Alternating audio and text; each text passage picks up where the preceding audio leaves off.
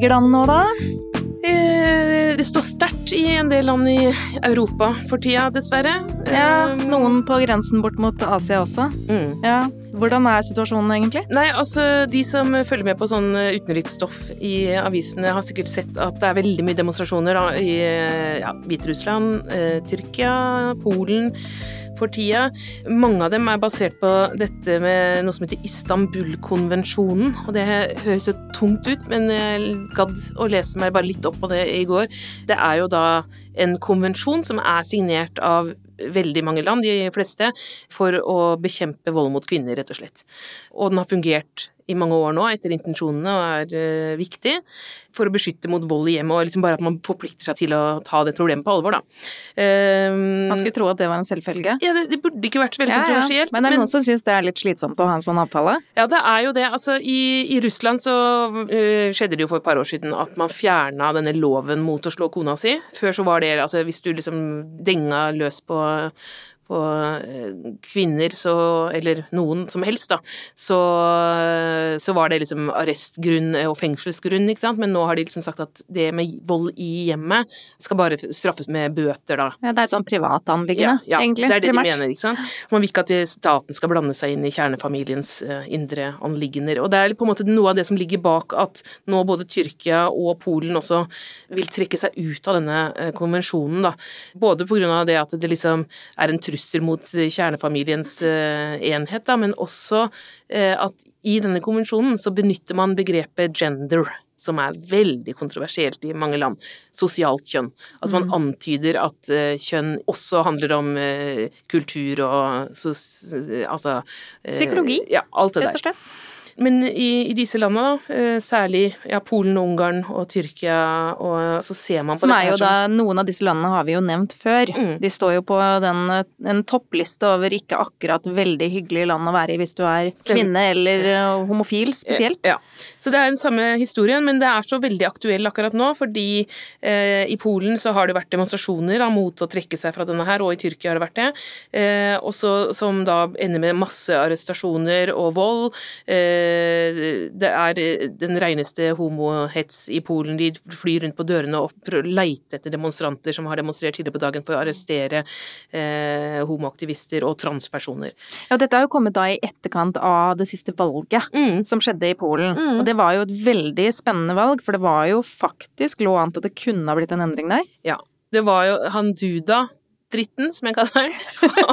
han, han eh, vant med 51 Ja. mens den mer liberale kandidaten fikk 49. Så det er jo veldig close, og det betyr jo at landet er jo Vi snakker liksom om det på avstand, ikke sant, og sier at å, de er så konservative og sånn, men de, de er veldig delt på midten. Ja, og Nina Vitocek Ja. kommenterte jo på det, for hun sa jo også det at etter det forrige valget, så var hun virkelig Og Nina Vitocek er jo da Hun bor i Norge, hun er norsk-polsk, eh, er jo en internasjonal eh, personlighet som sådan, men hun Mm. vedkjenner seg jo veldig Altså hun følger jo veldig med på Polen. ja. Men nå mente hun at nå var det nå var det grunn til å være litt mer optimistisk, selv om du, Duda vant. Dritten vant. Ja. Ja. ja, fordi det er så jevnt, ikke sant. Ja. Det er så stor opposisjon mot dette her. Og hun skriver jo også det eh, i en kronikk, så jeg at det, at det, altså det var en spørreundersøkelse da, fra Ipsos som sier da, at denne todelingen, den er veldig kjønna. Eh, det er, altså, og hun skriver eh, i Polen så lever eh, unge kvinner og menn i to separate verdener. Kvinner er liberale, aktivistiske og grønne, mens menn har en tendens til å dyrke homofobiske og konservative holdninger. Mens kvinner er mest redd for sammenbrudd i helsevesenet, en klimakatastrofe og de nasjonalistiske bevegelsene, så sier menn at de er mest truet av kjønn og LHBT. Ja. Det er ganske delt. Ja. Man skulle jo tro at de kunne hatt litt godt av å snakke med hverandre. Ja. Eller å liksom bare Ta seg sammen. Ja, fy faen. Altså, mest truet av LHBT. Det er på en måte hva Ja, det er nesten så man tenker at du har et litt for privilegert liv, i hvert fall hvis det er du liksom konstruerer en sånn vanvittig trussel. Ja. Så, så sånn er situasjonen. Men hva, hva tror du risikoen er for at faktisk eh, At de sier opp avtalen? Det har jeg ikke noe forutsetning for å si noe om, egentlig, men jeg ser jo at, at det er en bølge, da. De kaster seg på hverandre, disse landa. Så når noen begynner å trekke seg, så kan det nok, eh, kan det nok skje at den eh, konvensjonen eh, ryker. Mm. Men la oss nå i hvert fall si at alle som kan prøve å rope opp om dette, gjør det, og at vi heier på de som demonstrerer, både i Tyrkia og i Polen, og i Hviterussland også, for det de har å stri med der.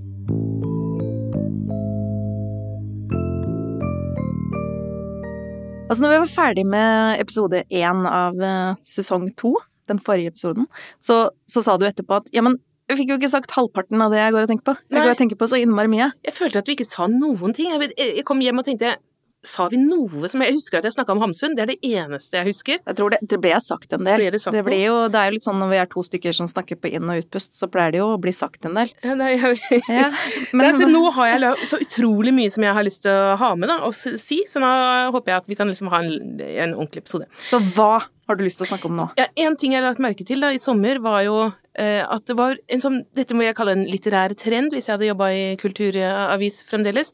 Eh, at gamle bøker, og eldgamle bøker, plutselig får nytt liv. Det begynte med at jeg la merke til at eh, mange i sosiale medier drev og leste Magnhild Holke sin bok 'Alice sønn' Ja, og det er jo en bok som ble skrevet eh, way, på way, way back. På 60-tallet. Ja, og det her er jo også en sånn eh, Altså, jeg vil jo, som jobber i et forlag, da, si at noe skjedde i det Joan Williams Stoner gjorde et sånn eh, comeback. Men etter det så har det jo faktisk vært Ja, for den, det var en sånn bok som bare plutselig alle skulle lese, og så var den egentlig fra 50-tallet eller noe sånt. Ja, som aldri hadde vært en bestselger før, men Mm. som plutselig slo an over hele verden omtrent samtidig. Fantastisk bok for øvrig. Eh, og nå, etter den tiden, så har det jo kommet flere. For er, nå i sommer så syns jeg det har vært veldig mye Annie Ernaux, Mm. som er utgitt av, av Aschehoug. Eh, og så er det Lucia Berlin Mm. har gjort et comeback, så det er jo en del kvinnenavn her også. Mm. Eh, Vivian Gornick Mm. er jo en eh, forfatter som jeg har oppdaga på nytt og virkelig, virkelig anbefaler. Og så har jeg akkurat lest boka Det regnet fugler av Jocelyn Saucier, som også er en sånn bok som kom, tilbake, kom ut i Canada for 15 år siden, og som nå plutselig kommer som en sånn liten perle. Mm. Så det er jo noe som skjer der. Men Alice uh, Al Alice, har du lest den? Nei, jeg har ikke lest den. Ikke jeg heller, uh, men den har jeg jo da veldig lyst til å lese, fordi at eh, den har blitt anmeldt på nytt nå som den har kommet ut uh, på nytt, og, så, og fått veldig gode kritikker, og det står liksom at den, de fleste mener da, at den er like relevant, og at Magne Holke er liksom oversett og glemt da. Eh, Hun var ikke oversett når hun debuterte, hun var faktisk 50 år gammel, det er litt spesielt når hun skrev sin første bok. Så det er fortsatt, det er fortsatt mulighet for noen av oss. Ja, for noen, noen om hver. Eh, hun hadde vært lærer da i et langt liv, og så kom, eh, sa jeg 60-tallet, det var jo i 1935 denne boka kom. Okay. Ja. Eh, debuten kom i 35, eh, og da når den kom, så blei den sammenligna med liksom Olav Duun og August Strindberg, og fikk strålende kritikker, og hun blei liksom virkelig løfta opp, oversatt til 17 språk. Ja, det er jo bemerkelsesverdig, og i, I hvert fall i 35, 1934 liksom. enn 35. Og så fikk hun ja, ros i The New York Times og sånn, og så ga hun etter dette her ut 20 bøker til. Men så blei hun da eh, glemt. Det skjer ofte med kvinner. Eh, det er Asgeir som har gitt eh, ut boka på nytt, og Aftenpostens anmelder Anne Merete Prino skriver at den har en psykologisk intensivitet som gjør den til et av de mest innsiktsfulle mor-barn-portretter hun noen gang har lest. Så det er en slags eksistensiell thriller eh, om eh, et veldig sånn oppvakt og kreativt barn eh, som går til grunne på en øy sammen med mora si. Så det er eh, Det hørtes kanskje ikke så oppløftende ut, men den, eh, den Jo, men jeg liker jo også, helt, akkurat som du sier, da, er liksom disse glemte forfatterskapene, og de som da plutselig bare forsvinner ut på siden, og siden aldri blir nevnt, at det Mm. blir liksom løftet opp og frem på nytt. Og det er jo kanskje det som også er det mest fascinerende og interessante med dette, for hvem var hun? ja, Hvem var denne kvinnen som Ja. plutselig i en alder av 50 fant ut at hun skulle skrive en bemerkelsesverdig roman? Det kan man finne ut hvis man leser Magnhild Folkvord sin biografi om Magnhild Holke som kom for et par år siden. Ja, og det er jo ikke så veldig mange biografier om kvinner Nei, det heller, er, så dette er jo en av få. Ja. Ja. Det var det ene som jeg la merke til. da. Og så mm. den andre historien som var eh, gamle bøker for nytt liv. Det var eh, ikke så gammel bok, da, men det var Katarina Cataneo sin debutroman eh, som heter Jeg har sluttet å telle dager. Eh, det var kanskje ikke debutroman, hun hadde skrevet noe før i hvert fall. Men Ja. det var, det var, den kom for noen år siden, og det var en sånn tungt researchbasert roman, som en historisk roman, som var eh, egentlig henta fra norsk sykehushistorie. Ja, spedalskhet. Ja, i Bergen så hadde du dette St. Jørgens hospital som behandla spedalske. Eh, og det handler om en dame som heter Kari Spidsøen, som var eh, offer i det som ble den første saken om pasientovergrep. På den tida her så hadde man jo helt sånn enormt respekt for leger. Mm. Eh, og ikke minst da denne legen Armaur Hansen på Lepra-sjukehuset, da. Som eh, han, Det han gjorde, var at han stakk en eh, lepra-infisert nål inn i øyet på Kari Spitsøen, eh, som gjorde henne blind. Og så gikk hun da, i motsetning til hva andre ville ha gjort eh, altså Vanligvis så var liksom legens ord lov, og du hadde ikke noe mulighet til å si fra om noen ting, men hun gikk til sak på det, og vant den saken. Mm. Og det er det den romanen handler om. Det er veldig sånn eh, Den leste jeg når den kom, og jeg reiste faktisk litt rundt på turné med Katarina og snakka med henne om den boka. Mm. Men da var hun ganske frustrert på den tida, fordi forlaget skal ikke nevne navn, men det hadde da mot hennes vilje lansert boka som en dameroman. Ja, dette var jo en stor debatt, Ja. jeg husker den jo veldig godt, og den mm. foregikk mye på Twitter, Mm. eh, som handlet om akkurat det der med hvordan forlaget rett og slett valgte en sånn markedsstrategi som var helt mot forfatterens vilje. Ja, hun skrev en kronikk, da. Da skrev hun blant annet, det var en veldig god kronikk, Den mannlige forfatteren eksisterer ikke, bare forfatteren. Når Roy Jacobsen eller Jon Michelet skriver historiske romaner, skriver de vesentlig litteratur. Gjør kvinner det samme, skriver vi damelitteratur. Så den fikk jo sånn damelitteratur eh, Ja, det var med snirkelskrift ja. på sikkert en dame som sto med ryggen til også. Men det som er kult, er at i sommer så har Katarina overtatt rettighetene til boka sjøl. Eh, boka er nå kommet ut i en ny utgave på nytt forlag. Eh, ser ikke ut som en dameroman og har ikke det stempelet. Og nå vil Harald Svart lage film av boka. Mm. Så har, hun har plutselig bare et kjempevind i ryggen, og det Ja. er så kult. Og det er veldig, veldig kult, så det heier vi på enda flere bøker som eh, får et nytt liv. Og så syns jeg jo at det er litt eh, Man skal også nevne det som litt sånn forlagssladder, hvordan eh, hun løste saken på sin lanseringsfest for denne boka. Ja. For da hadde hun jo røket uklar med forleggeren sin. Ja, Ja, det er en dårlig start på dårlig lanseringsfesten. start. Ja, men hun valgte jo også å gjøre et poeng ut av at siden dette var en dameroman eller kvinnelitteratur, så kom det sikkert ikke- til å komme noen menn Nei. på lanseringen. Det gjør jo sjelden det uansett, men, hvis det er en kvinnelig forfatter. Men Ja, det er akkurat det. Men jeg har i hvert fall sørga for å lage masker av mannlige mannlige har- kulturpersonligheter som eh, sånn pappmasker som masker. Venner og bekjente holdt foran ansiktet. Jeg husker jeg så det bildet med sånn Roy Jacobsen og ulike sånne menn som ikke var der. Kulturmenn som ikke var der. Det var det faktisk veldig morsomt. Hun gjorde et stort poeng ut av det. Veldig bra. Mm. Den tredje forfatteren som jeg tenkte å trekke fram her, da, som har fått et nytt publikum, det er Tove Ditlevsen. Ja, og hun er jo en av de kvinnene som vi også har i denne skålen vår med kvinner som vi gjerne vil snakke om. Så det er som sånn, vi- føler at vi vender tilbake til Danmark gang ja, på gang. Ja, for vi har jo snakka om eh, Susanne Brøgger og Karen Blixen og, eh, og en del andre nordiske eh, store kvinnelige personligheter. Kjerstin Torvald snakka litt om Sigrid Undset og Marta Tikkan og sånne ting. Men Tove Ditlevsen er jo liksom helt sånn eksepsjonelt spennende da, i den sammenhengen, både av litteraturen selvfølgelig, først og fremst det, men også at hun er kanskje en av de forfatterne hvor man syns det er like gøy å høre om livet hennes. Og de to tingene går jo egentlig helt sånn opp i hverandre, da. Altså, Jeg tror nesten vi kan si at noe som, det som følger disse kvinnene som vi snakker om, de er kompromissløse. ja, Det er en sånn kompromissløshet som er gjennomgående, og Tove Ditlevsen var jo absolutt en representant av dem. skriver veldig tett opp til livet. Mm. Eh, og selvfølgelig blir kritisert for det på alle mulige måter. Det, er veldig mange paralleller til Kjerstin Torvald, Mm. og det er også mange paralleller til Vigdis Hjorth. Og eh, Vigdis Hjorth skriver et strålende essay i den boka Fryd og Fryd og flamme. Eh, Nei, Ja, Fryd og, fare. Fare. Det er det. Eh, om Tove Ditlevsen og sitt forhold til henne, fordi hun har lest Tove Ditlevsen hele livet, og har nylest disse bøkene med jevne mellomrom, da. Så det essayet bør man lese. For de som ikke kjenner henne, grunnen til at hun er aktuell, er jo at eh, det har, da er det Oktober som har gitt ut alle bøkene hennes nå på nytt, med nye Ja, også omslag. Danske Gyldendal. Og danske Som at Danske Gyldendal. Gyldendal startet jo, og det er jo også Jeg føler at en av de store ambassadørene for eh, Tove Ditlevsen og den, den nybølgen som har kommet med hennes litteratur, er jo den danske forfatteren Olga Ravn. Ja. Som også er en veldig spennende, veldig sterkt feministisk, eh, interessant eh, forfatterstemme, men som også da jobber redaksjonelt. Mm. Eh, Og hun har jo da vært med på å Det er hun som driver en hekseskole. Hun driver hekseskole, og hun skriver veldig mye sånn Drar den ganske langt ut, men er veldig interessant og bra dame. Mm. Så, og hun har veldig fokus på Tove Ditlevsen. Mm. Og så har de jo da blitt plukka opp i andre land. Sikkert fordi at de ser at dette her bobler opp i Danmark, og så eh, går det videre. Og disse omslagene er så fine. Det er jo de gamle bøkene, men med nye omslag i liksom pastellfarger, og med svart-hvitt-bilder av Tove Ditlevsen fra ulike livsfaser.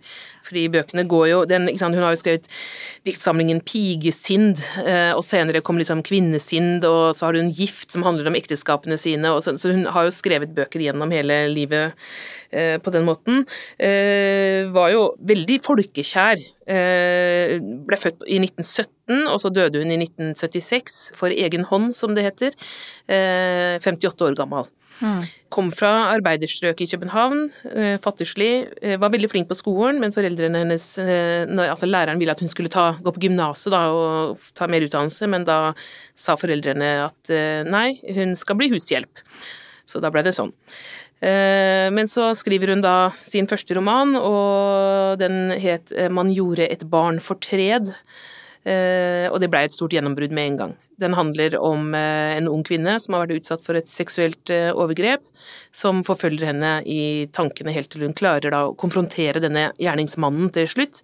Og dette her er på 40-tallet. Da var det ikke vanlig å skrive om Veldig, eh, veldig kontroversielt. Ja. Ja.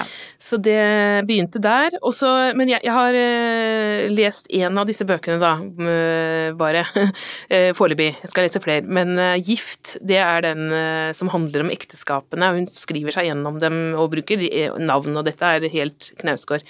Eh, men eh, og den, eh, altså det begynner jo da det første ekteskapet. Jeg skal bare ta raskt eh, riss. Det var da med en 30 år eldre redaktør som heter Viggo Møller. Og hun var 22 år gammel, og det var platonisk ifølge henne, dette ekteskapet, da.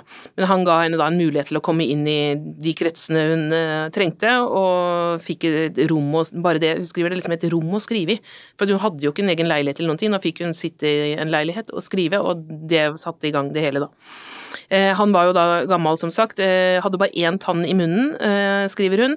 Eh, Men gebiss, det ville han ikke ha, fordi at i hans slekt så pleide menn å dø når de var 53 år. Og det var jo bare tre år igjen, så det ble bortkasta penger. Realist, da, Ja. kanskje?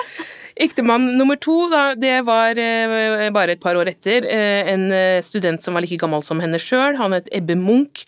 Da hadde hun begynt å jobbe, og det var jo eh, for så vidt en bra start. Fikk en datter som het Helle. Eh, men under den fødselen fikk mye problemer i den fødselen. Ungen måtte tas med tang, og hun fikk eh, så store fødselsskader at det ifølge Ditlevsen selv ødela ekteskapet. Åh. Eh, Så var det da tredje ektemannen. eh, Det var en lege, eh, Carl Theodor Ryberg. Eh, Hun eh, var jo da gravid med han mens hun fremdeles var gift med han andre. Det er jo veldig morsomt å følge dette her. Eh, Og eh, han ga, han, hun skulle da få abort av denne legen, da, eh, som da ga henne en sprøyte petidin et stoff da, som skulle hjelpe til med den aborten. Det som skjedde var at hun blei avhengig av eh, dette Petidin- middelet. av petidin, ja. Eh, Så hun blei rett og slett narkoman i det i forholdet med denne legen. eh, Gikk ned til Hun blei veid 30 kilo og holdt på å dø. Og, mm, og så blei hun da etter hvert innlagt på avvenning. eh, Men da forsvant legen eh, av gårde. Han blei forresten også innlagt med psykose. Det var mye glede i disse ekteskapene her. Men nå har jeg kommet til fjerde ektemannen. okay. Og det er det størsteparten av boka handler om, da. Eh, For det var den store kjærligheten. Eh, Viktor Andreassen, han, da begynte hun å Gjenopptok hun stoffmisbruker, altså hun var narkoman det meste av det ekteskapet. Eh, Han fikk en sånn høy stilling, først i utenriksministeriet, så de flytta inn en sånn herskapsleilighet, og hun skulle være da en sånn eh, frue. Det passa ikke spesielt godt, så det ekteskapet skranta jo voldsomt, men de snakka mye om det i media og sånne ting. Dette skriver Vigdis litt også om, hun sammenligner med sitt eget eh, åpne forhold til media, og når hun f.eks. For forteller om denne litteraturprofessoren, og de står fram sammen og skriver bok sammen, så det, da var det liksom litt sånn paralleller til det, hvordan han, eh, Viktor og Tove forholdt seg til medier, da. Eh, Han hadde veldig mange elskerinner, hun hadde også noen etter hvert, eh, men til slutt så innleda han da et forhold til Toves eh, 18 år gamle datter fra første ekteskap. Ah, det er ikke greit. Nei. Det er litt eh, Woody Allensk, så det ble, var ikke så populært. Eh, og etter hvert så tok disse elskerinnene også så stor plass, og hun ble liksom fordrevet ut av leiligheten og inn i sommerhuset måtte hun bo da. Eh, så til slutt så blir det, et- blir det slutt med dem òg, og det var jo da hun rykka inn en sånn kontaktannonse. Ja, man skulle tro mye etter noe sånt som det der at man bare hadde gitt opp, da. Mm. Nå har jeg prøvd dette her eh, fire forskjellige retninger, fire forskjellige menn. Det funker ikke så bra. Nei. Men hun rykker da inn denne kontaktannonsen Ja. i avisen. I 1971, og hun er jo på en måte eh, godt voksen, ser jo Hun er 52 år gammel, men ser, det må man kunne si, mye eldre ut, fordi hun var sliten, altså. Eh, og hun skriver da her eh, Etter å ha sluppet ut av et langt, ulykkelig ekteskap, føler jeg meg ensom i denne verden, hvor alle danner par. Jeg er 52 år gammel, 172 cm høy, slank og blond. Jeg har en åtteværelses leilighet i København og et deilig sommerhus. Penger mangler jeg ikke, men kjærlighet. Jeg har skapt meg et navn innenfor litteraturen, men hva hjelper det når jeg savner en trofast og kjærlig venn i passende alder, helst bilist? Interesser, litteratur, teater, mennesker og et hyggelig hjemmeliv.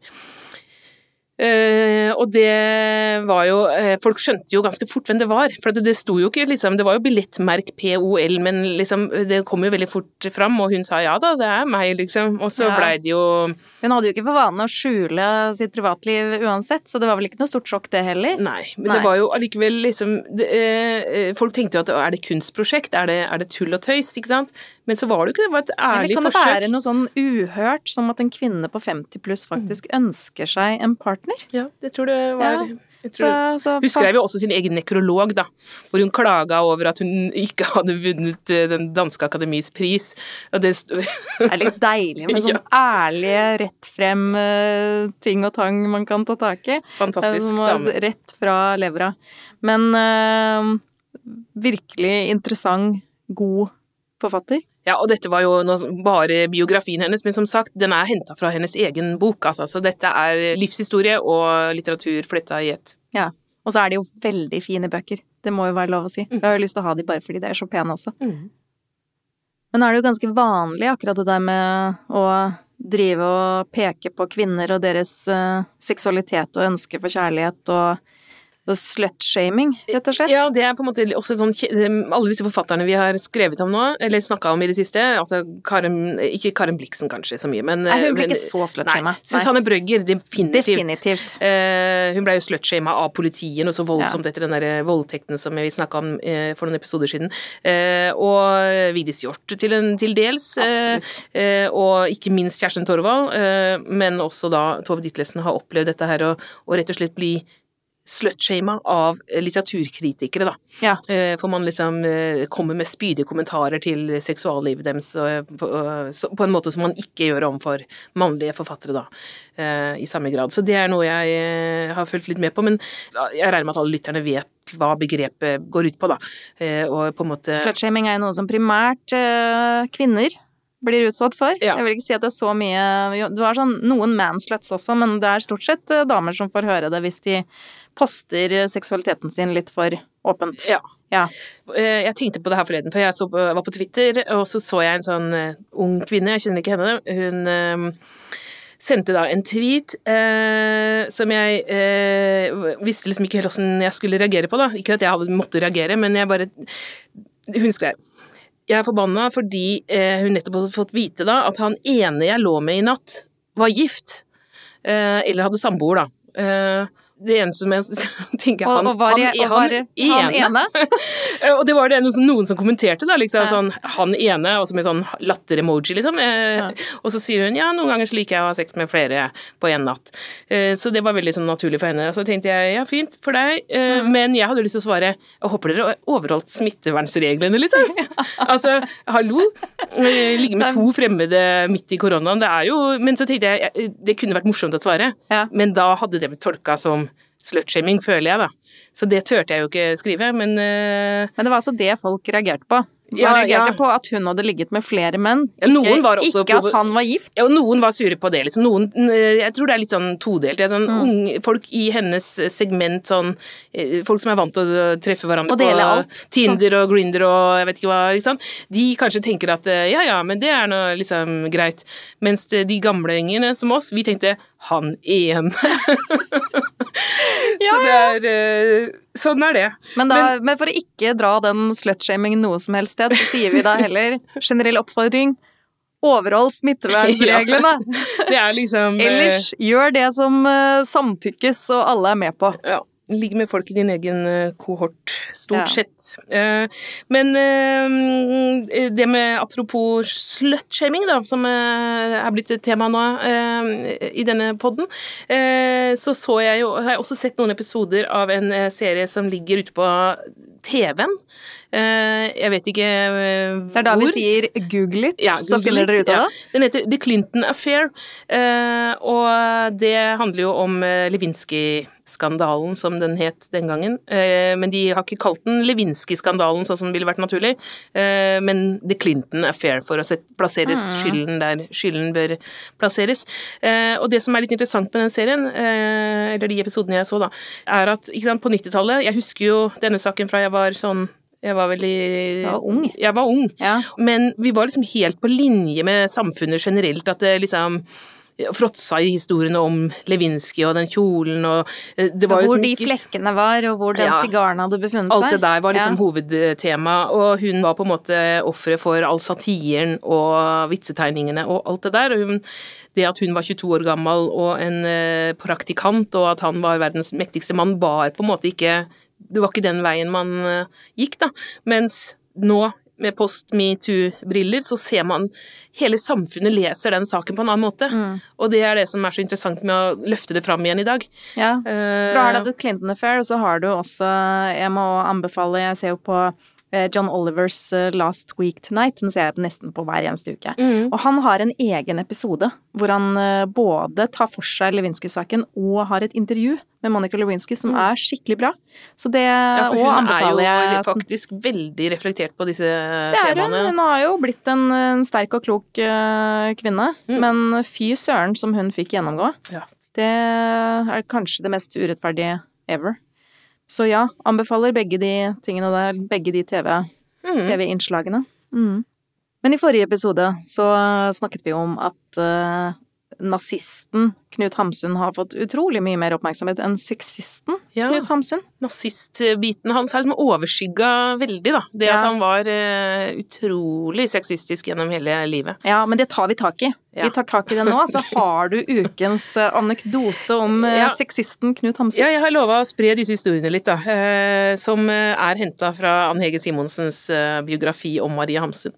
Det Forrige episode så prata jeg litt om den gangen han ødela kjolen hennes som hun skulle ha på seg på nobelprisutdelingen, fordi han mente hun så ut som en slutt. Eh, mens det, dette her syns jeg kanskje er det tristeste av alle de historiene, da. De, de hadde jo da flytta Han fikk henne med opp til Nordland, der han kom fra, eh, på Hamarøy, og gjorde henne da til husfrue der. Jo, først så var hun jo skuespiller, det fikk hun ikke lov til å være. Måtte si opp alle jobber og venner og familie og alt, og bare være hans der eh, i det huset. Så fikk hun eh, da sitt eh, første barn. Eh, og familien hennes var jo på Østlandet og hadde ikke sett dem på flere år. Eh, og de hadde jo heller ikke sett eh, denne ungen, da. Så plutselig så var det da en eh, Christiania-tur som sto på trappene for, eh, for Knut. Han skulle ned og prate med forleggeren sin i Oslo. Eh, og, hun, og de skulle være med sånn at familien hennes kunne få møte henne og se den nye ungen. Eh, dette er våren 1913. Så eh, tar de hurtigruta til Trondheim, det er veldig strabasiøs tur, tar jo dagevis. Eh, Og så skal de deretter så skal de ta toget videre fra Trondheim til Oslo. Så tar de inn på Britannia hotell, og her plutselig da, så skifter liksom Knut litt sånn eh, humør. Han eh, forlanger da at de, eh, Marie og sønnen må være på det hotellet. Han skylder på at de hadde vært sjøsjuke på båten dagen før, og det var ikke trygt for dem i den helsetilstanden å være med til hovedstaden med toget. Og hun sier jo, jo, jo, vi er friske.